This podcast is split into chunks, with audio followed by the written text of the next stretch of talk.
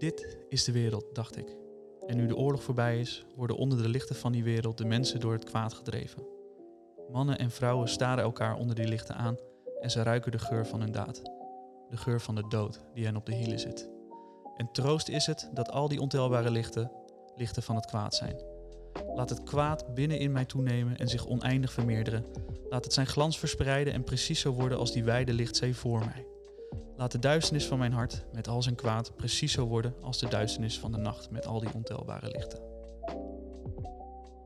Je hoort hier een stuk uit het boek Het Gouden Paviljoen van wat ooit de meest bekende schrijver van Japan was, tot Haruki Murakami op het literaire toneel verscheen tenminste. Drie keer werd hij genomineerd voor de Nobelprijs voor de literatuur, maar in zijn korte, turbulente leven mocht hij hem nooit in ontvangst nemen. Waarom hij zo bekend was? Vanwege zijn onvergetelijke romans of essays toch zeker? Eh, Jawel, dat ook, maar hij vergaarde minstens zoveel, zo niet meer, roem met de laatste acties in zijn leven. Een mislukte militaire coup d'état. Jazeker, deze schrijver wilde een democratisch gekozen regering omverwerpen en de Japanse keizer opnieuw tot alleenheerser verheffen. Zijn naam?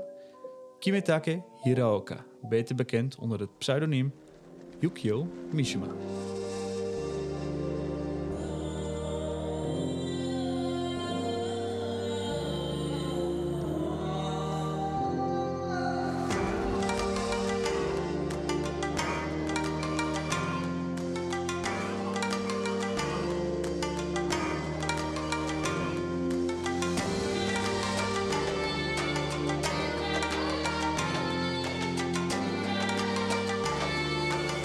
Konnichiwa, luisteraars. Wij zijn eh Laurens van der Broek en Rens Blijnberg. En je luistert naar de, Aapnoot Mishima.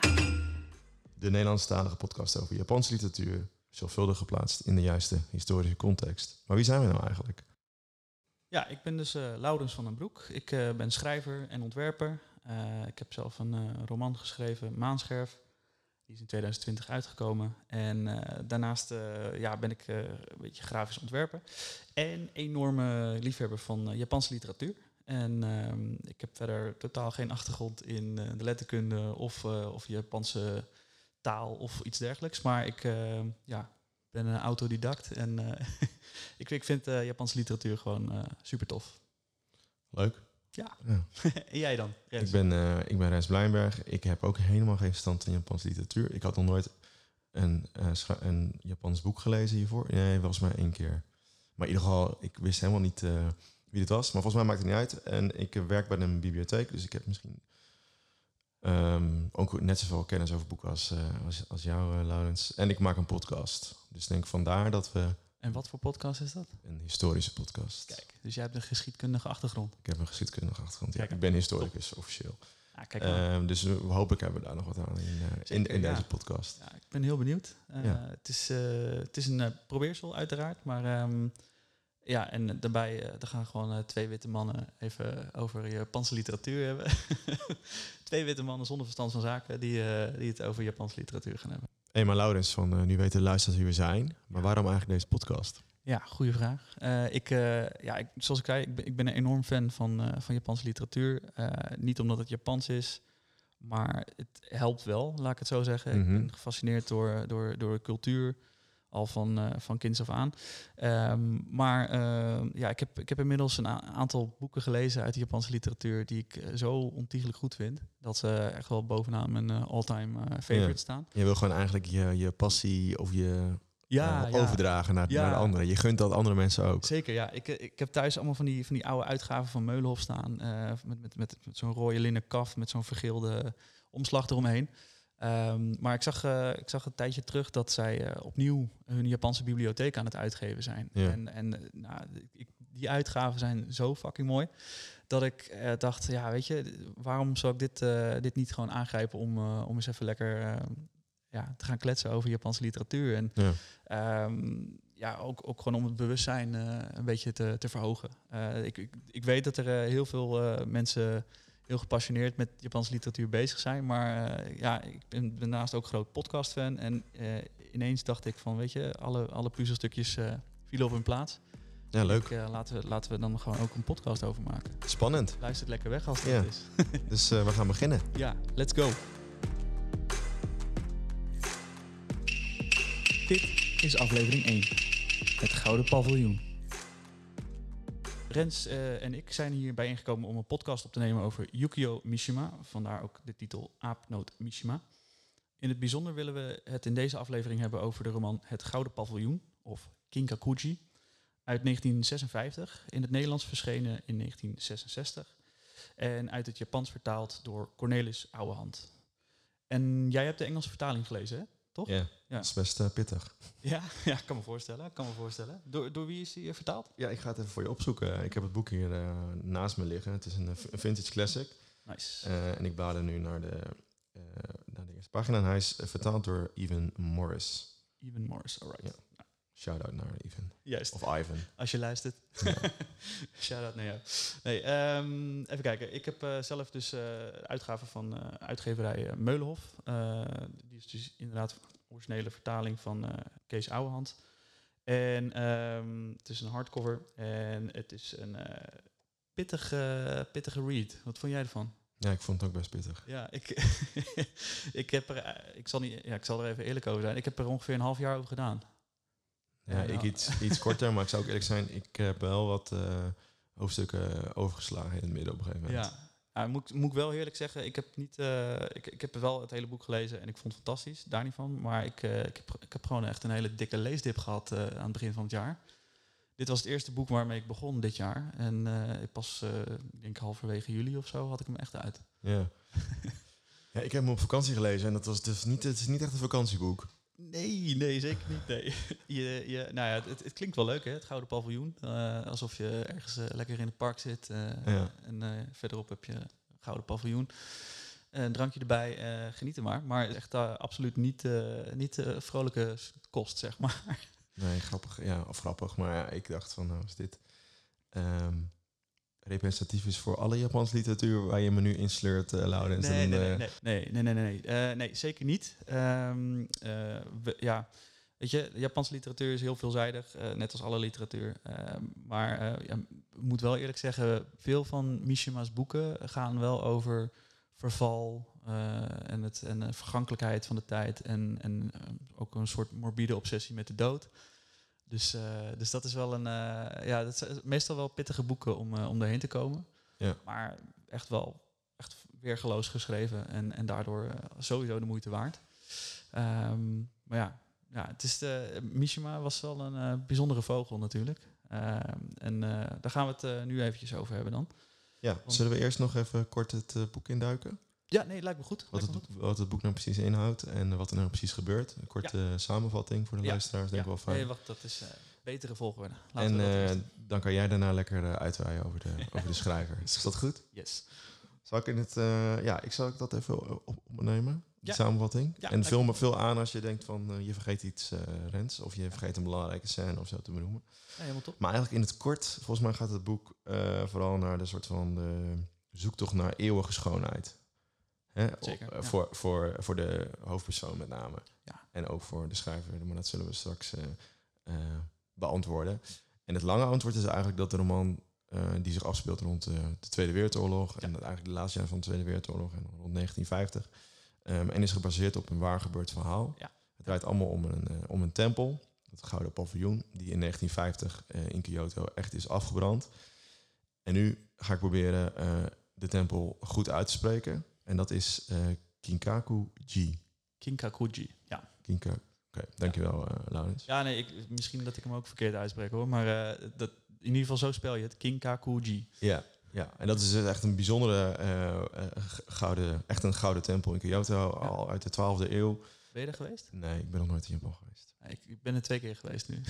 Ja, hij is dus Eh, weer opgebouwd. Hij is dus weer opgebouwd, ja. Ja. ja. ja, het is, eh, hij is eh, gebaseerd op, ja, op oude foto's en dergelijke. En hij is ook wel i- meer gepimpt dan, dan dat hij vroeger was. Ja. Maar, maar ja, destijds was hij dus nog steeds van een enorme schoonheid. Zeg maar, zo, zo, zo mooi dat iemand hem in de fik heeft gestoken. En eigenlijk gaat daar ehm, dit, dit boek over. Eh, eh, het verhaal schijnt zo te zijn dat eh, Mishima de dader Ja. heeft geïnterviewd Zeker, ja. in de gevangenis. En op basis daarvan eigenlijk dit boek heeft geschreven.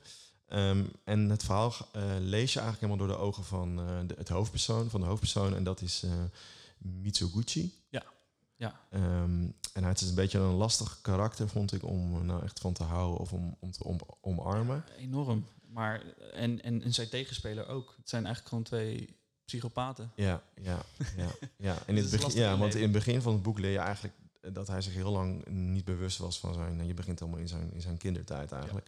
Was zich niet bewust van zijn onaantrekkelijke uiterlijk, lees je dan. En hij stotterde heel erg, maar hij was zich daar niet echt mee bezig.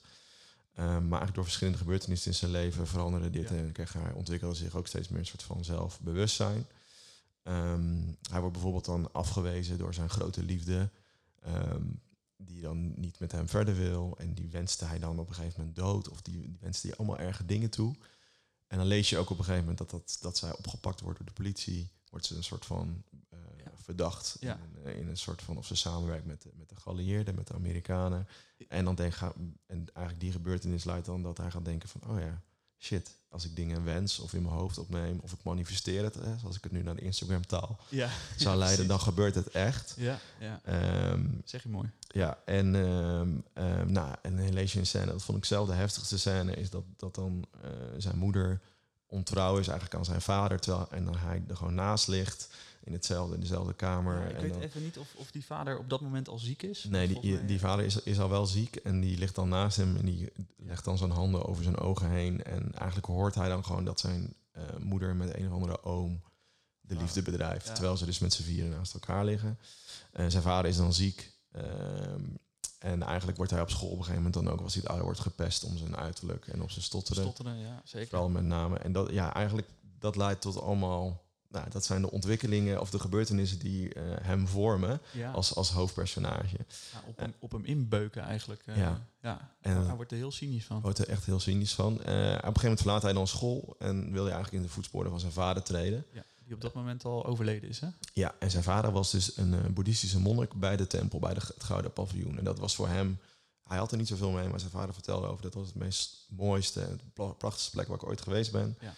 Ehm, dus hij had er wel een soort relatie mee ontwikkeld, maar was ook wel een beetje, hoe zeg je dat? Hij kon zich dat nog niet helemaal... Nee, nee. In eerste instantie kon die, eh, kon die tempel hem, eh ja, zogezegd even aan zijn reet roesten.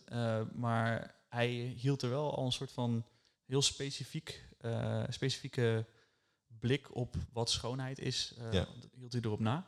En eh, nadat, ze, na- nadat zijn vader hem geïntroduceerd heeft bij de, de tempelleider, Ja. Ehm, dan ja, heeft, hij, heeft hij het paviljoen voor het eerst echt gezien. En nou ja, dat, dat, dat, is, dat blaast hem helemaal omver. En dat is een levensveranderende gebeurtenis voor hem. Ja, zeker. Ja. Want dan gaat hij dus in opleiding bij Tayama Dozen. Dat is een soort, eh, ik denk, ik heb het een beetje vertaald nu als een soort van hoofd van het, eh, van, van het Gouden Paviljoen. En het was een vriend van zijn vader. Ook, ja. ja. Ehm, en eigenlijk ehm, heb ik het nu een beetje opgeschreven dat hij in die tempel wordt hij echt langzaam gek. Want dan realiseert hij zich ook dingen van vroeger. Ehm, en eh, eh, wordt hij, raakt hij helemaal onder de indruk van, van de schoonheid van de tempel. Ja. Maar tegelijkertijd ziet hij ook dat het, hoe zeg je dat? Dat het allemaal een soort van ook een beetje hypocriet is. Er zijn ook slechte Ja. plekjes in die tempel die niet zo mooi goud zijn, bijvoorbeeld. Zeker, Eh, ja. die, die, die gast die hem opleidt, die drinkt heel veel. Die gaat met vrouwen naar bed en zo. Terwijl Ja. het helemaal niet past bij een boeddhistische monnik zijn. Hij, ja, dus hij maakt zich heel eh, druk over dat losse karakter eigenlijk van, van de monniken. In die, eh, Absoluut. dus hij merkt eigenlijk van ja, die schoonheid is helemaal niet voor eeuwig of zo. Of Nee. dat, hè, daar, daar is iets mee. Het enige wat eeuwig is, is de schoonheid van Kinkakuji. Ja, En ehm, eh, ja, dat, dat is het enige, de enige zekerheid die hij heeft in het hele leven. Voor de rest staat alles op losse schroeven. ja, Eh, en dat wordt eigenlijk eh, dat, dat gevoel van onzekerheid en, en die onvrede over de- die losbandige levensstijl, ja. wordt dan nog eens extra aangewakkerd wanneer die, ehm, fuck, hoe heet die gast? Kawa. Ja, wanneer die dus in aanraking komt met, eh, met een vriend. En ik ben even vergeten waar hij nou precies tegenkomt. Want hij gaat op een gegeven moment ook naar de universiteit. Maar dat is onderdeel van zijn opleiding als het tot boeddhistische Ja. monnik, toch? Klopt, ja. ja, Eh, en die vriend heet eh Kashiwagi. Kashiwari, dat was het. Ja. Ja. En die eh, gebruikt eigenlijk zijn eh, soort van mismaaktheid. Want hij heeft volgens mij klompvoetjes. Of in ieder geval, heeft klompvoeten, hij kan ja. niet zo Ja. goed lopen. Ja. Ehm, gebruikt eigenlijk die, die, die mismaaktheid om vrouwen te versieren. Onder andere, ja. Continu. En dus Ja. ook en om mensen te Manipuleren. manipuleren ja. en te imponeren. Eh, dus en eigenlijk eh, heeft dat zoveel invloed ook weer op, op, eh, op ons hoofdpersonage dat hij, eh, eh, hoe zeg je dat? Ja, dat, dat hij echt langzaam gek wordt. En Ja. dat hij ziet van de wereld is helemaal niet zo schoon. Er zijn allemaal verschillende vreselijkheden en, en, en maskers die mensen op hebben die helemaal niet zo. eh, Nou, dat is heel echt grappig zijn. dat je dat zegt. Want Maskers is, dat is, eh, dat is een ander boek van, eh van Yukio Mishima. Ja. Bekentenissen van een gemaskerde. Maskers is iets wat, eh, wat heel veel terugkomt in, eh, in, eh, in de boeken van Mishima. Ja. Ja. ja, grappig. Ja. Dus je ziet, je leest eigenlijk een soort van ontwikkeling die hij doormaakt als persoon, Ja. die superveel invloed op hem heeft, waardoor hij uiteindelijk ook een soort van ehm, de, mooie tempel een beetje gaat eh verafschuwen. Ja. Eh, want hij had al in de oorlogstijd een beetje ontwikkeld dat hij hoopte of manifesteerde dat, eh, Ja. dat de tempel gebombardeerd zou worden door de Amerikanen. Ja. Nou, dat gebeurt uiteindelijk niet. Nee. En dan lees je steeds verder in een boek, lees je ook nog steeds meer heftige dingen. Zo schopt hij op een gegeven moment een, een, een zwangere vrouw in haar buik. Eh, dat soort eh, scènes komen dan op een gegeven moment voorbij. Een, een, een vrouw die mee, volgens mij, is met een Amerikaanse soldaat. Ja, En hem ja. dan... eh, hij denkt dat, dat, die, dat die Amerikaanse soldaat dan tegen hem zegt van doe dat dan. En hij doet het uiteindelijk. En uiteindelijk krijgt die vrouw een miskraam. ja. hij, eh, hij dacht dat, ze, dat zij een prostituee was. Dus hij dacht, nou, dan, en die, die Amerikaan zegt, nou, schop maar. Maar ik doe het ook, hier, baf. En, en, en dan schopt zij, of hij schopte er achteraan. Eh, maar wat blijkt, zij is dus niet een prostituee, maar eh, de vriendin van. Ja. En die is net zwanger Ja. eh, geraakt. En die Amerikaan denkt, dikke doei, dat wil ik niet. Nee, en die, ja, die weet eigenlijk Mitsuguchi ervoor te strikken om, om haar in de buik te trappen. ja. Dat is een van de meest pijnlijke scènes ook in het boek. Ja, zeker, ja. ja. En uiteindelijk leidt het allemaal tot de laatste, het laatste hoofdstuk, de belangrijkste scène denk ik van het boek. Ehm, dat hij eh, de tempel in, in de brand steekt. Ja, ja. Eh, en dat lees je heel uitgebreid. Dat wordt echt superveel details. Het is een enorm plan die hij in zijn hoofd heeft van hoe je dat gaat doen. Ja. Eh, wat hij als eerste in de fik steekt, welke kamer die begint, welke deuren die open of dicht moet zetten, hoe Ja. hij weg gaat lopen. Ja, hij, hij, hij loopt eigenlijk op een gegeven moment weg uit de tempel. Ja. en ehm, eh, ontsnapt daarbij naar een eh, onstuimig eh, kustplaatsje. Eh, het regent knetterhard en eh, hij, hij loopt daar rond, wordt zeiknat. En op een gegeven moment, hij, hij, hij loopt te mopperen dat hij ook teleurgesteld is dat de Amerikanen dus inderdaad die, die tempel niet hebben gebombardeerd. En ineens valt het kwartje bij hem. En hij denkt, dit is wat ik moet doen. Ja. Dit is mijn missie. En ik ga, ik ga die tempel in de fik steken. Ja, en hij doet het. En hij doet het ook nog, ja. en, ja, daar, zeker, ja. en daar eindigt het boek. Ja, ja, Ja. en hij probeert daarna ook nog... eh, nou, ja, ik weet niet, moeten we dit al spoilen? Ja, jawel. Hij, hij probeert ook zelfmoord te plegen, maar dat, eh, dat lukt niet. Eh, en hij wordt gepakt door de, door, de, door de politie. En net op dat moment dat je denkt... Oké, nu gaat hij spijt betuigen en dan is het verhaal rond en dan happy end soort van. Ja. Eh, doet hij dat helemaal niet. En dat is ook een soort van eh, literaire fuck you van, eh, van Mishima naar, eh, naar, naar zijn lezers. Eh, of in ieder geval naar, naar de moralisten onder, onder, onder die lezers. Dus het is wel... eh, ja, ja, Mishima was echt wel een, beetje een edgy figuur. En dat zie, je, dat zie je dus echt in al zijn boeken terugkomen. Ja, ja. Ja want, want ja. vertel eens meer, Laurens, over, die, over de schrijver, over Mishima. Ja, Yukio Mishima. Ehm, hij, hij, gebo- was geboren als Kimitaka Hiraoka. is dat Eh, vaker zo in Japan, dat je dan een andere naam krijgt? Eh, ja, nee, niet per se. Maar eh, hij, heeft, hij heeft gewoon een pseudoniem aangenomen. Oh, Eh, zo. Ja, ja want eh, het, het stukje van Mishima, dat is eh, genomen van Mishima Station. Een, een of ander treinstation waar ze toevallig eh, langskwamen eh, toen, eh, toen hij net eh, begon met schrijven. Mhm. En toen dacht hij, nou, dan wordt dat mijn achternaam. En eh, Yukio, het komt van Yuki, van sneeuw. Oh. En eh, een, een van, eh, hij, hij heeft een, een eh, tetralogie geschreven. Dat was het laatste werk van zijn leven. Eh, dat zijn vier boeken die samen een soort eenheid vormen. En de eerste daarvan heet Spring Snow. Dus nou, die, dat zal ongetwijfeld een verwijzing zijn naar zichzelf. Ehm, Niet zoals Ellie Smith, die nu... of ken je die boeken niet? Zomer, lente, oh, sorry, ja, eh, ja, ik moest even denken. Een soort tijdsbeeld van de afgelopen jaar. Ja, dat, Ja. Nou, in, in feite is dat ook een soort tetralogie. Ehm, eh, ik weet alleen niet, volgens mij zijn dat allemaal wel losstaande verhalen. Ja. Ehm, maar dat, dat is volgens mij ook het geval met deze tetralogie. Zoals je hoort, ik heb hem nog niet gelezen, want het zijn ook echt vier best wel dikke boeken. Je hebt ze hier wel liggen, of Ja, niet? ik heb er eh, ik, in ieder geval eh, Tempel van de Dageraad. Dat is nummer drie. En ik- die andere drie moet ik nog even zien te cheffen ergens.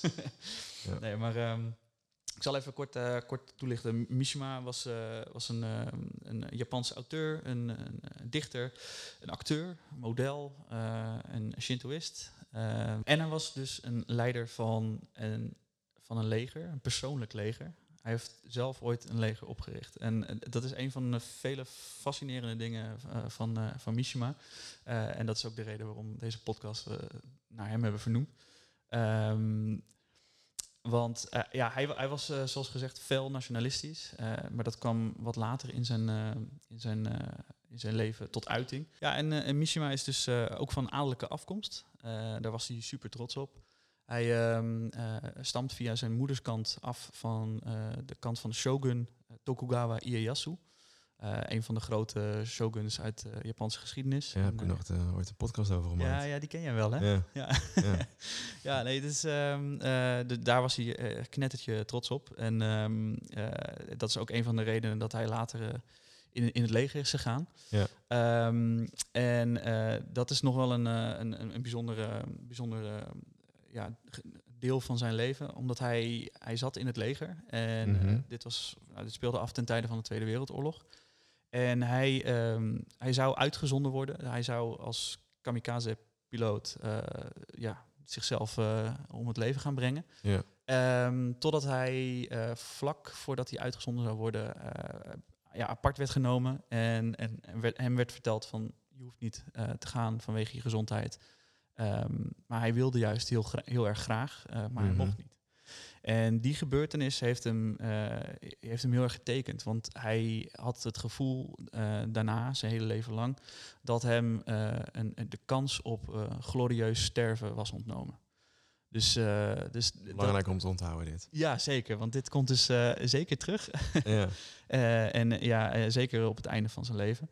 Ehm, even terug. Hij, hij ja, werd, begon rond zijn zestiende met schrijven. En ehm, Hij heeft een enorme productie aan boeken. En was- essays en was- theaterstukken. Ik las echt dat hij op zijn maniacaal. 32e al eh 50 boeken, Ja. 50 eh, publicaties op zijn naam heeft staan. Precies, ja. Dit is echt, hij was echt een machine wat dat Ja. betreft. Hij, hij, eh, hij had ook echt een enorme hekel aan eh, eh, tijdverspilling. Ja. Als mensen zijn tijd verspeelden, dan, dan, dan konden die mensen eh, net zo goed dood voor hem zijn, zeg maar. Zo, zo heftig ging hij daarmee om. Ja, jij stuurde een... ehm ja, mag iedereen mag natuurlijk best weten hoe onze research gaat. Ja, jij tuurlijk, stuurde een, een ehm, YouTube-filmpje van, van eh, iemand die eh, Ja. Filmpjes maakte, filmpjes, die eh, video's maakte over, eh, Ja, over vlogt. boeken. Hij vlogt, eh, over en hij had inderdaad boeken, een anekdote over iemand die dan met hem ging eten. Ja, ja hij, En die dan te laat was. Die, die man heet trouwens Cliff Sargent. En Zijn kanaal heet Better Than Food. En het echt net een paar dagen voordat wij deze podcast op gingen nemen. dit is echt al weken, maanden in voorbereiding. Maar eh, nu eh, ja, kwam, eh, kwam ineens dit filmpje uit dat hij exact dit boek had besproken. Dus Ja. dat was al heel toevallig. Maar ja, in, in dat filmpje ligt hij hem toe dat, dat hij uit eten zou gaan met, ehm, eh, met, ja, met een, een literaire, ik- volgens mij een uitgever of iets dergelijks. Ehm, maar in ieder geval, ze hadden exact op een exact tijdstip afgesproken. En nou, hij is mega punctueel, dus hij zit daar gewoon. Ehm, maar die, die afspraak van hem die kwam een paar minuten te laat. Ja. En eh, wat, wat hij toen heeft gedaan, eh, schijnbaar, dat, ik, weet niet of het eh, geverifieerd is, maar dat verhaal zingt rond. Dat hij wel het eten heeft besteld, heeft afgerekend en daarna het restaurant is uitgelopen. Waardoor die, ja, die afspraak aankwam. eh, Zijn eten stond er wel. Zijn eten stond er wel, Ja. inderdaad. Maar hij heeft zijn tijd verspeeld. En Ja. toen is Mishima het restaurant uitgebeend. Uitge, uitge, Uitgelopen. Ja, uitgelopen. uitgebeten Ja. mag voor mij ook wel hoor. Is, ja, maar het is ook, ook wat anders. Ja, dat is uitbenen van eh, Ja, nee, met eh, slachten van dieren. Ja. Wegbenen, hoe zeg je dat? Nou, hij, ja, is in ieder geval, hij is het restaurant uitgelopen. Ja. ja, het is gewoon echt een, een best wel eh, bijz- eh, nou, bijzonder zeker, maar ook wel echt een fascinerend eh, schrijver.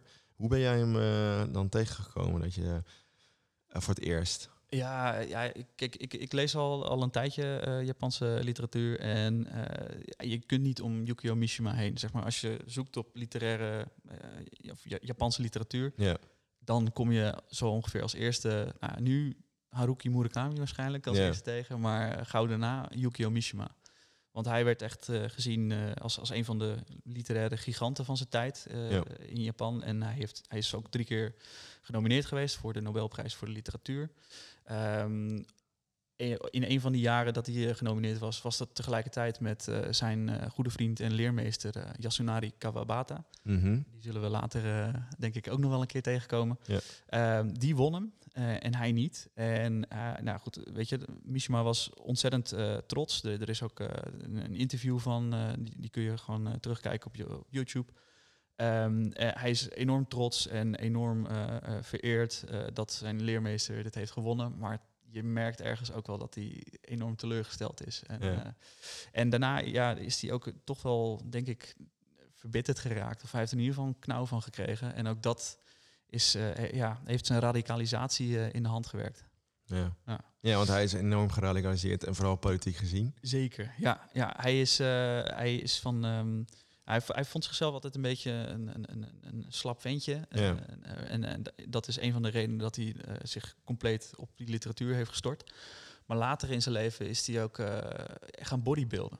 En, eh, en niet zo'n beetje ook. Hij is eh, op een gegeven moment, eh, ik, op de achterkant van mijn eh eh, uitgave, staat hij in, in vol ornaat met, eh, met, eh, met zijn, eh, eh, hoe zeg je dat? Met zijn, eh, Samurai zo hard. ja, zijn, zijn samurai eh, eh, eh, outfit. Eh, en ehm, die, zei, die is waarschijnlijk van zijn voorouders geweest ook. Ja. Eh, en, eh, maar in, in andere foto's, en dan eh, een, dus een van zijn bekendere foto's, staat hij echt met, met een borstkas van heb ik jou daar. En eh, staat hij echt eh, ja, te- te- te- te- te- heel protserig Ja. staat hij eigenlijk op die foto. Eh, Ja. en vaak ook met een eh, bandana om zijn hoofd van eh, eh, zie mij onderdeel zijn van, eh, van Japans glorie. Ja. Ehm, ja, het doet me gewoon heel erg denken aan eh, wat je ook wel zag in de jaren dertig in, eh, in Europa.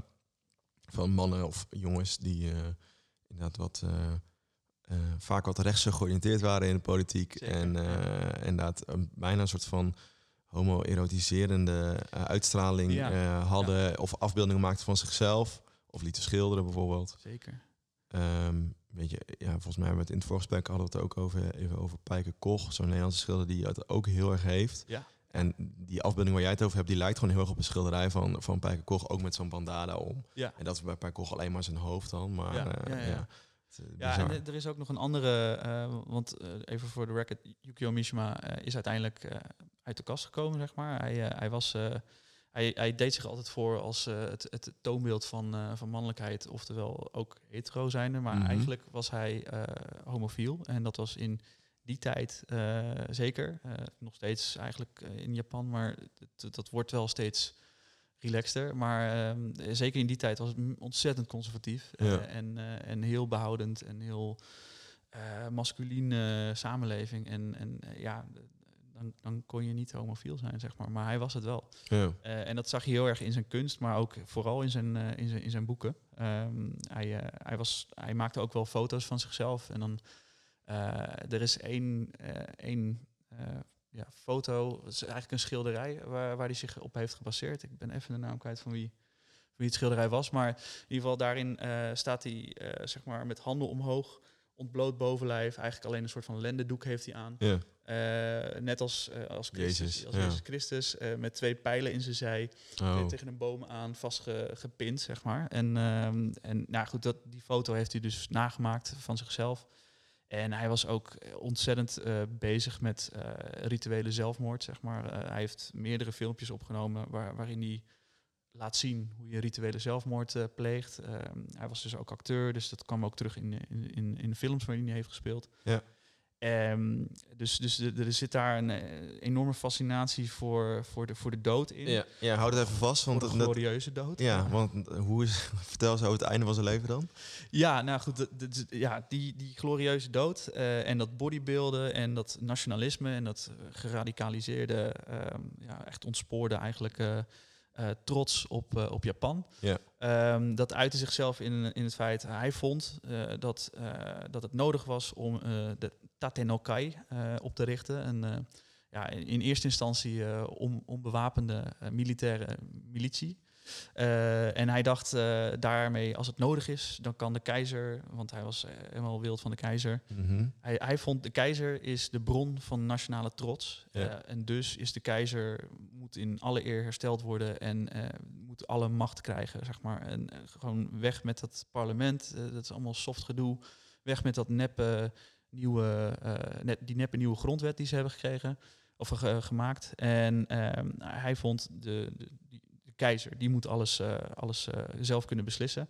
En ehm, toen heeft hij dus dat, eh, die Tatenokai opgericht. eh, en in eerste instantie was die unarmed, maar later is, die, ja, is dat doorgegaan. En ehm, nou, hij, heeft, hij heeft op een gegeven moment, eh, net nadat hij zijn laatste boek van die, van die tetralogie, eh, eh, het, eh, in het Engels heet het Decay of the Angel. Mhm. Eh, ik ben even de Nederlandse titel, weet ik even niet. Maar ehm, eh, toen hij dat, eh, diezelfde dag, is hij in een taxi gestapt samen met vier, ja, of, ja, ik weet niet of het taxi was, maar is hij, is hij in de auto gestapt met vier Ja. van zijn volgelingen, die allemaal gewapend waren, met zwaarden en volgens mij ook pistolen, maar weet ik niet zeker.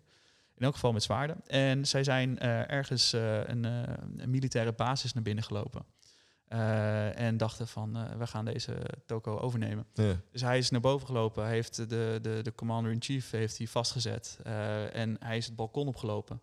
En daar liepen, ja, er, er kwam een, een publiek aan, aanzetten van, van soldaten. En Uh-huh. die zaten een beetje zo te kijken van wat doet die mafkees daar boven. Ja.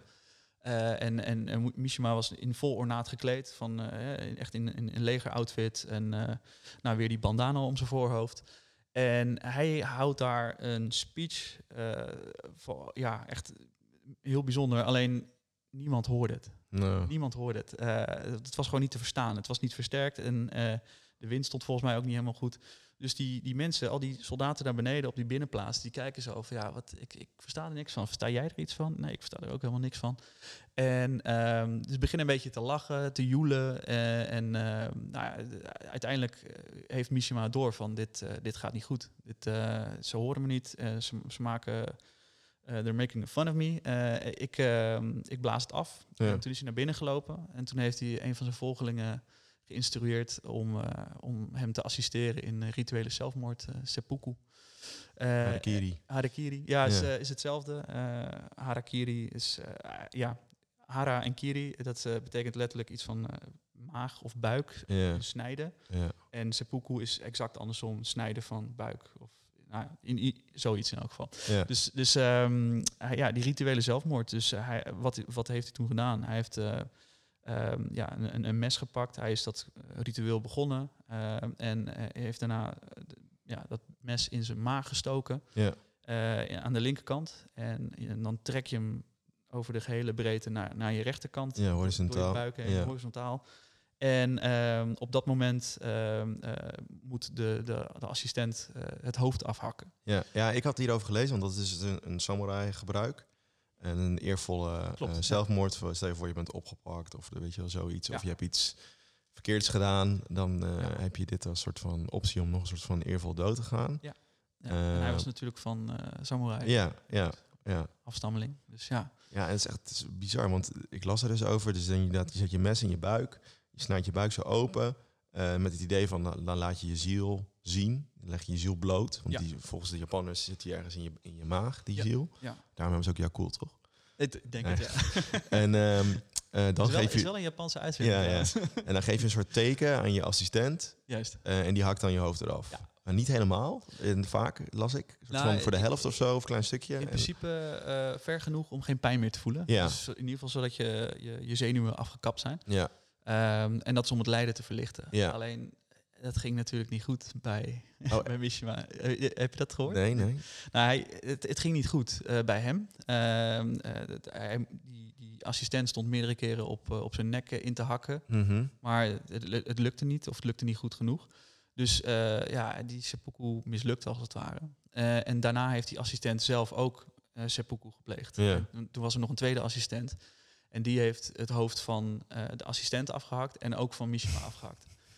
Eh, en, en die eh, is eh, die, die, die jongen samen met nog die andere, die vierde ehm, volgeling, vol- volgeling die, die zijn opgepakt en die zijn berecht en dergelijke.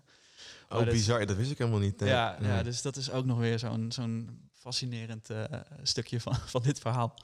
Wat een bizarre, bizarre man. Bizarre ontknoping. En Ja. en, ja ik, zoals, echt ontzettend flamboyant, ehm, ontzettend wel belezen, maar dus ook ontzettend radicaal. En Ja. en, eh, ja die dacht even het democratisch bestel op Japan om te gooien. zetten. Ja, Ja. ja. Ja. fascinerend. Hey Laurens, volgens mij is het tijd voor eh, wat luchtigs. Lijkt me ook. Goed Laten idee. we even naar de break.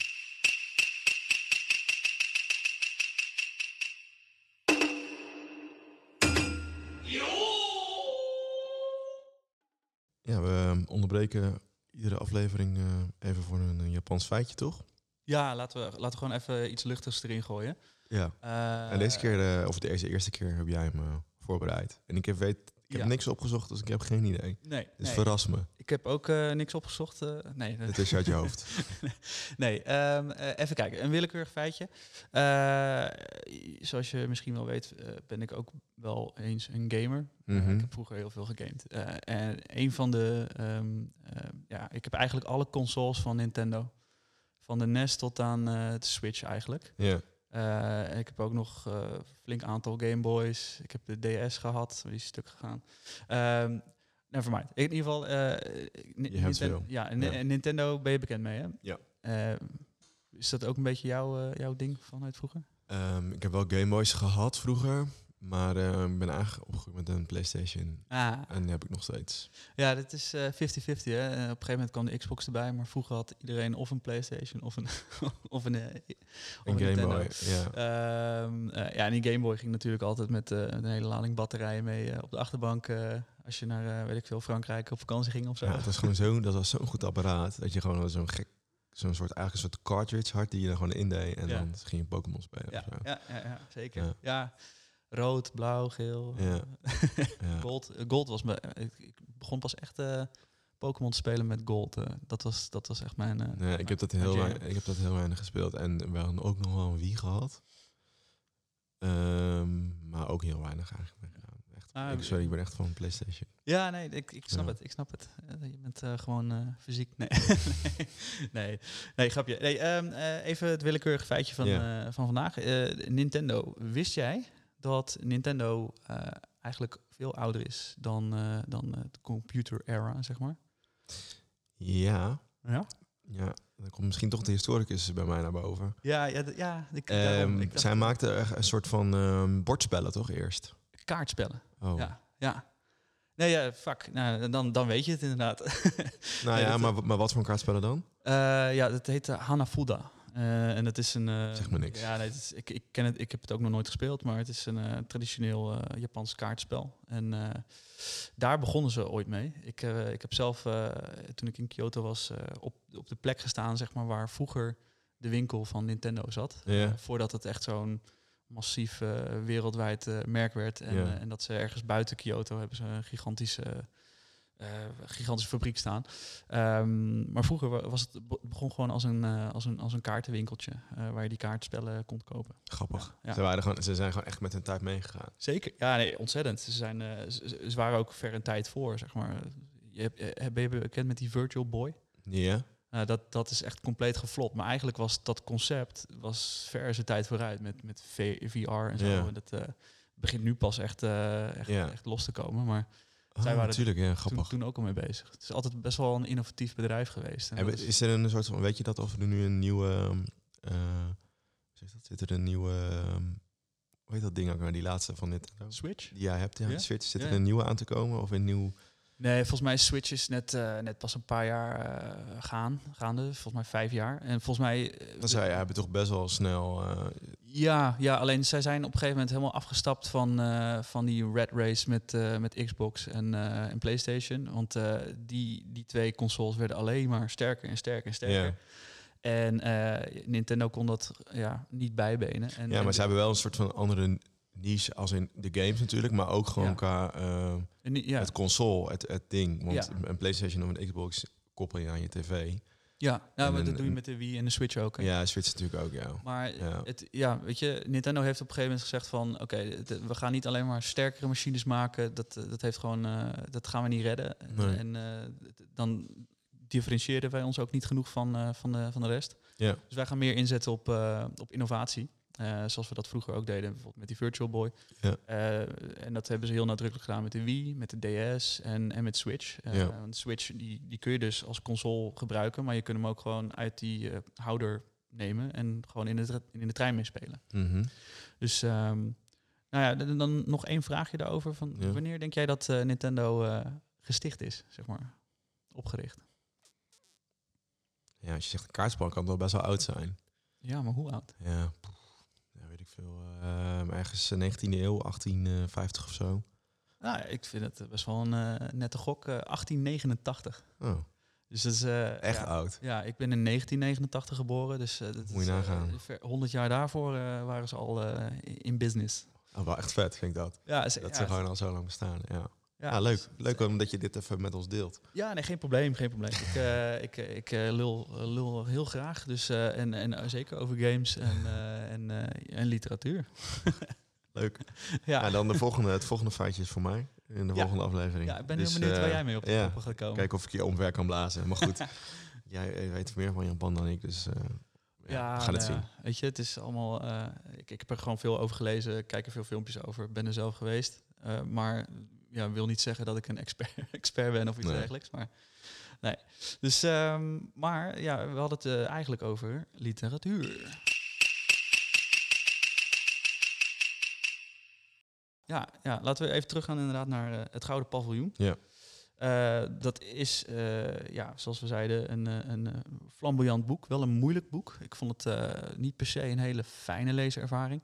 Nee. Ehm, eh, ja, weet je, wat me opviel is dat eh, Mishima schrijft heel analytisch. Eh, dus, dus hij probeert niet, ehm, zich niet mee te laten slepen in de emoties. Terwijl dat eigenlijk is hij zelf een hele emotionele man. Ja, het is heel gek Eh, wat je zegt. Nou, het is heel analytisch, maar de, de emoties spatten vanaf of zo. Ja, ja het, ergens merk je dat het, zeg maar, hij, hij, hij, hij schrijft het, hij beschrijft elke eh, gedachtegang of elke kwinkslag van, van, van eh, Mitsubishi schrijft hij super mooi op eh, en echt met poëtische taal. Hij was natuurlijk zelf ook dichter. Dus ehm, dat, dat kon, hij, kon hij echt ontzettend goed. Maar tegelijkertijd, ja, hij, hij kan dus ontzettend mooi schrijven over twee vrij verwerpelijke figuren. En dat is, dat is wel interessant. Dat, ik merkte dat ik daar ja, gewoon niet onpasselijk van werd, maar dat ik af en toe dacht van, oh, ik, ik, oké, ik ga hier even afstand van nemen en eh, ik kom hier eh, over een dag of eh, twee alweer weer, weer bij terug. Ja. Dan doen we weer een, een x aantal pagina's. Hey, maar Rens, jij bent historicus, toch? Ja, dus jij gaf me echt een, een enorm moeilijke opdracht mee. Namelijk, Ja. ehm, kun je even kijken wat de historische context of significantie eigenlijk is van het boek? Ja, Ehm, nou, het was best lastig. Dus dan ga ik gewoon googlen. Dat doe ik altijd. En eh, vaak, ehm, wat bij mij bijvoorbeeld heel goed werkt, is dan op Reddit kijken. Reddit. Ja. Oké, daar zit ik zelf niet op, maar Nee, ik zit er ook niet op, maar je kunt gewoon googlen. Dan doe ik ook gewoon Reddit. En dan, eh, en dan zie je gewoon threads, laten we zeggen, over dit, over het boek bijvoorbeeld. Of, dat werkt altijd heel goed. ik dacht dat Reddit alleen maar eh schunnige moppen en fouten... Nee. nee? Nee? Nee, nee je hebt echt best wel goede, goede threads. Of hoe noem je dat? oké. Groepen, ik weet eigenlijk niet hoe dat heet. Op Reddit. Ehm, dus daar, daar kun je nou best wel eh, veel informatie in vinden. En eigenlijk wat je het meest gewoon leest en eh, wat ook voorbij komt, bijvoorbeeld in essays die over eh, hem geschreven zijn, of over, over dit boek geschreven zijn later, van literatuurhistorici, ehm is eigenlijk dat die, eh, die tempel die is dus echt afgebrand in 1950 en dat dat gewoon een soort trauma is voor, voor de Japanner. De Tweede Wereldoorlog was net achter de rug. De tempel is overeind gebleven, niet gebombardeerd. Eh, maar nu, in vijf jaar later, eh brandt opeens die tempel af, wat een soort van het toonbeeld was voor schoonheid in, in Japan. Ja. Ehm, en je kunt ook best wel wat dingen vinden over degene die dat deed. Die monnik, die dus, eh, het was ook echt een monnik die, die dat ding afbrandde. Ja.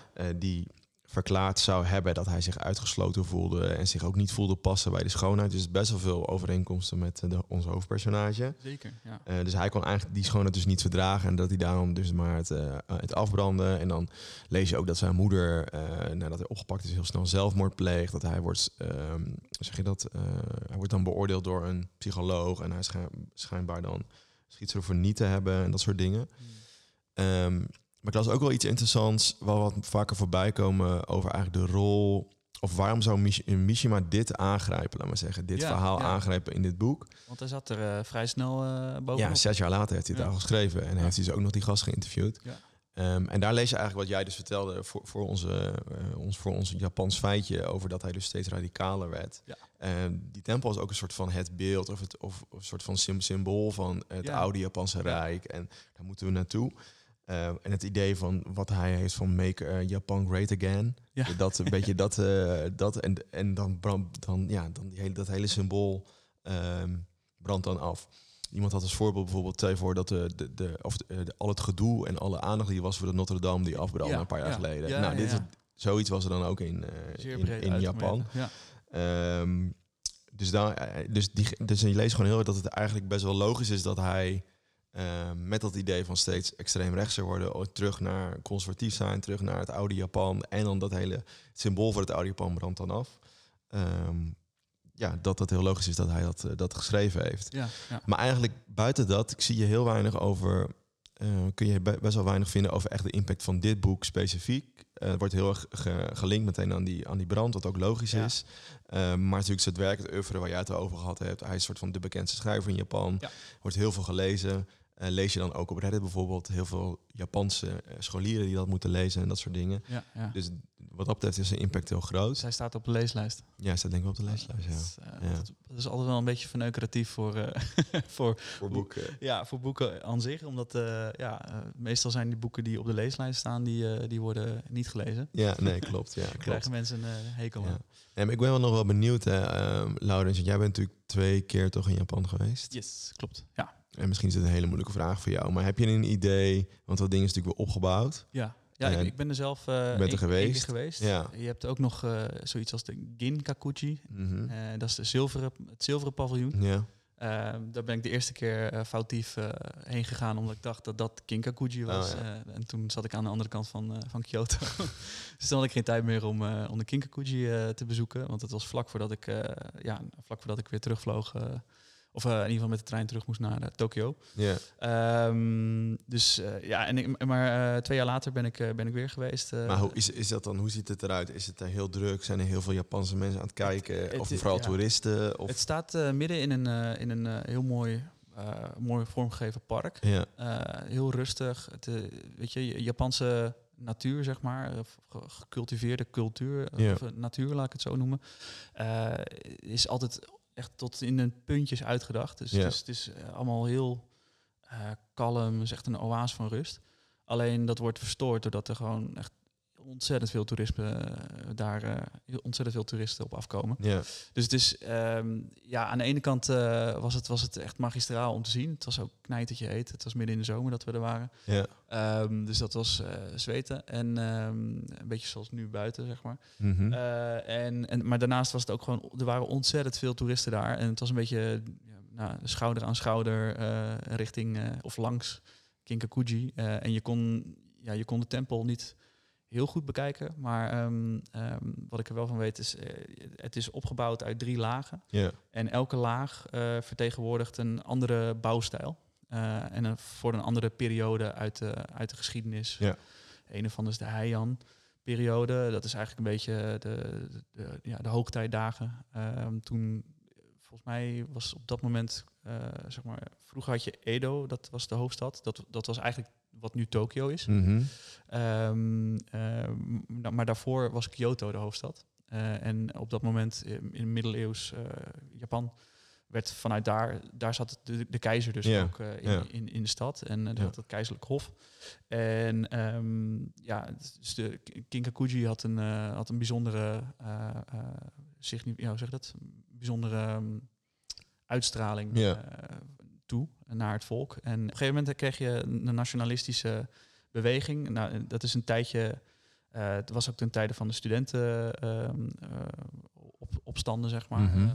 Eh, ehm, toen ehm, was levende, le- leefde dat nationalisme heel erg. Dat is een tijdje eh, ja, gaan sudderen en dat een beetje naar de achtergrond verdwenen. Ja. Uh, maar door onder andere Donald Trump uh, en um, uh, ja, andere ontwikkelingen van, van dat de ene na de andere despoot, verrechtsing van de wereld. verrechtsing van de wereld, inderdaad. Ja.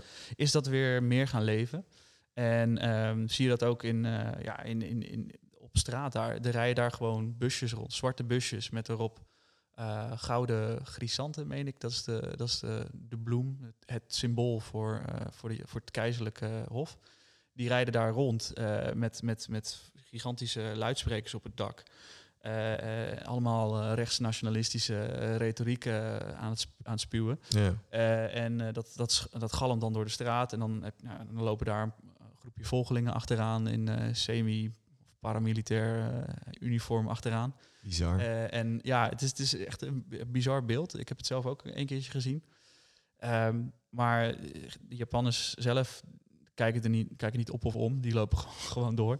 Uh, ja, die kijken sowieso altijd naar de stoep, toch? Ja, dat is, dat is wel waar. Ze kijken altijd wel goed waar ze lopen. uh, maar um, ja, het is wel interessant. Uh, het, die, het sentiment leeft dus nog. En, um, uh, best bijzonder, want het is echt best wel lang geleden als in dat keizerrijk. En Ontzettend, ja. ja. Het is ook niet dat wij zeggen van, ja, we hebben natuurlijk ook al best wel lang een koninkrijk. Ja, wat ik eigenlijk ook ironisch vind aan, aan, het, aan het geheel met Mishima. Hij is afstammeling van, uh, van Tokugawa Ieyasu, ja. wat een militaire dictator was. Ja. en, en die hebben ooit juist de keizer afgezet. Uh, en, maar hij was nu fel aan, aanhanger van de keizer juist. Om, om de eer van uh, de keizer juist weer te herstellen. Ja. Dus dat, is, uh, dat, dat vind ik ook wel... het is een van de vele um, tegen, tegenstrijdigheden in, in, in het brein van, van Mishima. Dus dat, ja, ik, ik vind het een fascinerend figuur. En hij, ja, hij komt sowieso nog wel wel vaker, denk ik, voorbij uh, in, in deze ja, podcast. denk het ook wel. Volgens mij is het nu tijd voor het eindoordeel. Ja, ja. Ik, ehm, wil, wil, jij me aftrappen? Of, eh? Ja, ik wil wel ehm, beginnen. Ik ben heel benieuwd namelijk van wat je ervan vond. Want ik, ja, ik, je, zult, je zal het zo bij mij horen, maar ik, ik ja, vond het fantastisch, maar ook er zijn ook nog wel wat haken en ogen. Ja, nee, ik, ik denk niet dat ik het echt fantastisch vond, als ik eerlijk ben. Um, ik vond het een heel moeilijk boek. Mm. Ik kom denk ik ook omdat ik in het Engels las. Ik lees best wel vaak in het Engels, maar op de een of andere manier was dit wat moeilijker. Ja, ja. Um, en misschien dat ik het ook nog niet... Wat ik dus merkte daarna dat ik research ging doen uh, voor deze podcast, denk ik van, oh ja, toen vond ik het boek landde veel beter bij mij en werd hij ook beter in mijn hoofd of zo dan toen ik het las. Ja, ja. En toen ik het las, dacht ik, ja, ik, dan mis je toch bepaalde context, denk ik, om het helemaal te begrijpen. Um, en het is best wel, ja, je, je je ontwikkelt gewoon echt een soort van haat ten opzichte van de, van de personages. Ja, ja. En daar hou ik toch niet zo van, eerlijk gezegd. Nee. Soms is het ook lekker, weet je. Um, heel makkelijk voorbeeld, bijvoorbeeld Game of Thrones of zo. En dan kijk je dat en dan uh, Cersei of zo. Als je dat dan kijkt, dan weet je ook wie ik bedoel. Maar dan denk je van, oh ja, gat, dat is echt een stom personage. En het is het leuk om, om diegene ja. te haten of zo. Of om je dan, ja. daar tegen af te zetten als kijker zijn. Maar bij dit boek dacht ik, er was gewoon niemand. Want dan, dan, bij zo'n serie heb je nog mensen daar omheen die je dan wel leuk vindt. Precies, ja, ja. Maar in dit boek was het nog, nog, werd het nog gekker of zo elke keer. En nog uh, heftiger en nog, ja. En toen las, ik, toen las ik die recensie dacht ik, ja, maar het is ook wel echt vet van hoe hij hoe het beschreven heeft. Dus het is heel sec, heel plat eigenlijk. Ja. Dit gebeurt er, ja. het ziet er zo uit. Uh, dit, dit ga ik nu doen of zo, weet je, gewoon dat.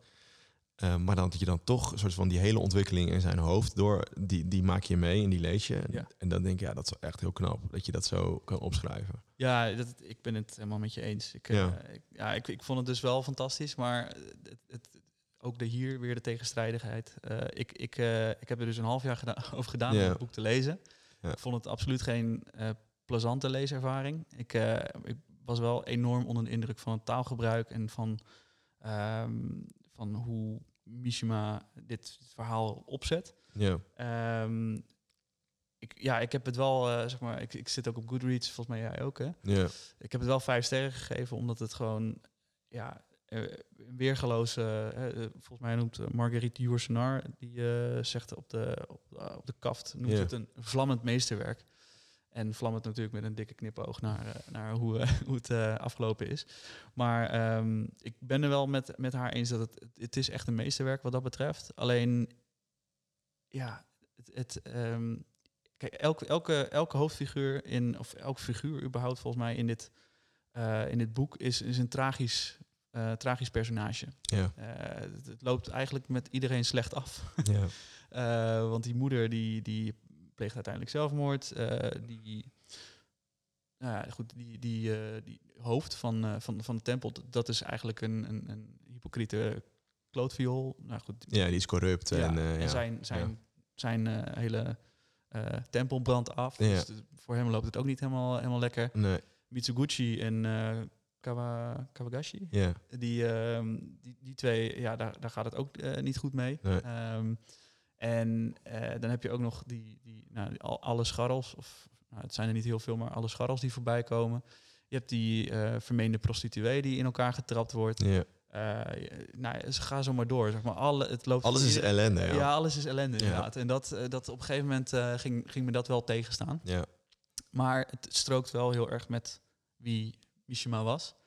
En zoals hij inderdaad dit, dit heeft opgeschreven, is het ook... eh, ja, ik, was, was er wel echt diep van onder de indruk. ja, en het heeft dus gewoon echt ook heel veel raakvlakken met zijn eigen leven. En dat Ja, eh, heb ik me pas veel later gerealiseerd. Ja, zeker, zeker. En dat maakt het misschien nog wel extra knap of zo, dat je het ook dan zo kan opschrijven. Ja, En er zitten wel echt inderdaad huiver, huiveringwekkende eh scènes in. Eh, maar die, dat je wel denkt, ja, die ga ik nooit meer vergeten of zo. Ja. En dat is ook wel echt knap. nee, absoluut. Eh, wat je zegt, raakvlakken met zijn eigen leven. Toen dit boek uitkwam, was hij nog niet met bodybuilden bezig, Mhm. geloof ik. Had, als, ik het, als ik het goed had gelezen. Dus hij, op dat moment zag hij zichzelf ook, ook nog als een beetje als een lange, slungelige, een beetje een kneus. Maar wel iemand die goed kon schrijven, dat wist hij inmiddels wel.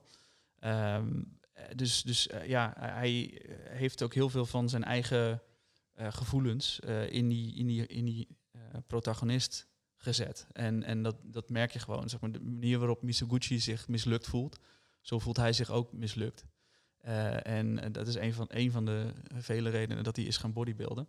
ja. Ehm, en ja, dus, dus het, het- ja, het, is, eh, het is natuurlijk niet, eh, niet autobiografisch, maar er zitten zeker wel wat autobiografische trekjes in, eh, Ja. in, in het boek. Ja. En dat maakt het ook, ja, ook wel heel bijzonder. Eh, dus ik ben ook heel erg benieuwd naar, naar wat er hierna allemaal nog eh, te lezen valt. Zeg maar. ja. Dus aanradertje. Zeker, ja. Ja. ja. ondanks eh, dat het, je, moet, je moet wel echt even even doorzetten. Ja.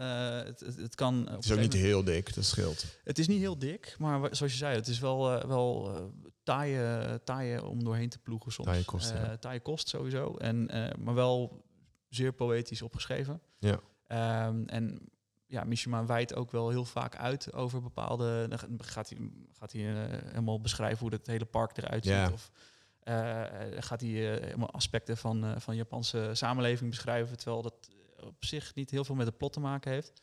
Ehm, daar moet je van houden. Mhm. Het is vrij eh, barok, schrijft hij ook wel. Ehm, een beetje hoogdravend. Eh, dat moet je liggen. Dat moet je liggen. Ik, ik ben zelf dan bijvoorbeeld minder een fan van heel staccato schrijven. Arnold Grunberg, die schrijft echt mega staccato. Misschien inmiddels niet meer, maar eh, ik heb één boek van hem gelezen en dat, nou, dat, was, dat stond mij niet zo aan. Gewoon omdat die schrijfstijl mij stoorde. Ehm, ze zeggen altijd wel, eh, schrijven is schrappen. Maar je kunt wat mij betreft ook te veel schrappen. Ja. Maar goed, dat is, eh, dat is persoonlijk, eh, wat mij betreft, dikke aanrader. eh, en ja, doen we met, met stelletjes of Nou, jij zegt dat je vijf sterren gegeven. Ik heb drie ja. sterren gegeven op Goodreads. Dus dan zijn we, Dan zijn we rond. het gemiddelde van een vier. Gemiddeld vier. Ja, nou, ja, duidelijk. dus Nou, dat was hem dan. ja, zeker lezen, jongens. Dat was hem dan, Laurens. Ja, dat was hem. fijne aftrap denk ik zo. Voor de eerste keer. Ik denk het wel, ja. Ik, eh, ik ben, eh, ik ben eh, heel tevreden eigenlijk. Ik bedoel, er zullen genoeg punten voor verbetering zijn. Tuurlijk, Maar, altijd. maar ik vind dit, is een eerste probeersel. we moeten niet te streng zijn. Nee. En ik ben uiteraard ook heel benieuwd naar jullie meningen. over het boek of over de auteur, over deze podcast. Laat het ons vooral weten. We zitten op sociale media. vooral op Instagram op dit moment. eh aapnootmishima. En eh, ja, daar rest ons nog te zeggen dat we in de volgende aflevering eh, dieper ingaan op, eh, op een ander boek. Het heet Het Eigen Lot. Het is voor het eerst in 1964 verschenen. Het is semi-autobiografisch. Het is een roman en het is van een Japanse schrijver die wel de Nobelprijs voor de literatuur ontving. Namelijk Kenzaburo Oe. Ben je, ben je bekend met uh, Kensaburo Oe? Nee, weer niet. Nee. Nee, het is echt een soort... De hele wereld gaat voor me open door jou. Het is, dus eh, bedankt. Gewoon, eh, ja, joh. Eh, maar het was gewoon eh, een toffe literaire ontdekkingsreis. Zo eh, gaan we Ja. samen aan. Ik, eh, ik, heb, eh, ik heb het eigen lot al wel ge- gelezen, maar ik ga het nog een keer lezen. Ehm, omdat ik het echt weergaloos vond. Eh, en ik ben benieuwd of het de tweede keer dan ook eh, zo, eh, zo binnenkomt. Ja, ik ook. Ja, ja. Nou, eh matinee.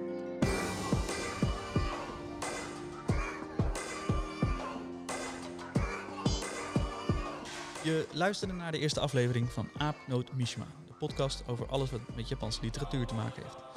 Deze podcast werd mede mogelijk gemaakt door Bruut, powered by de Nieuwe Oost.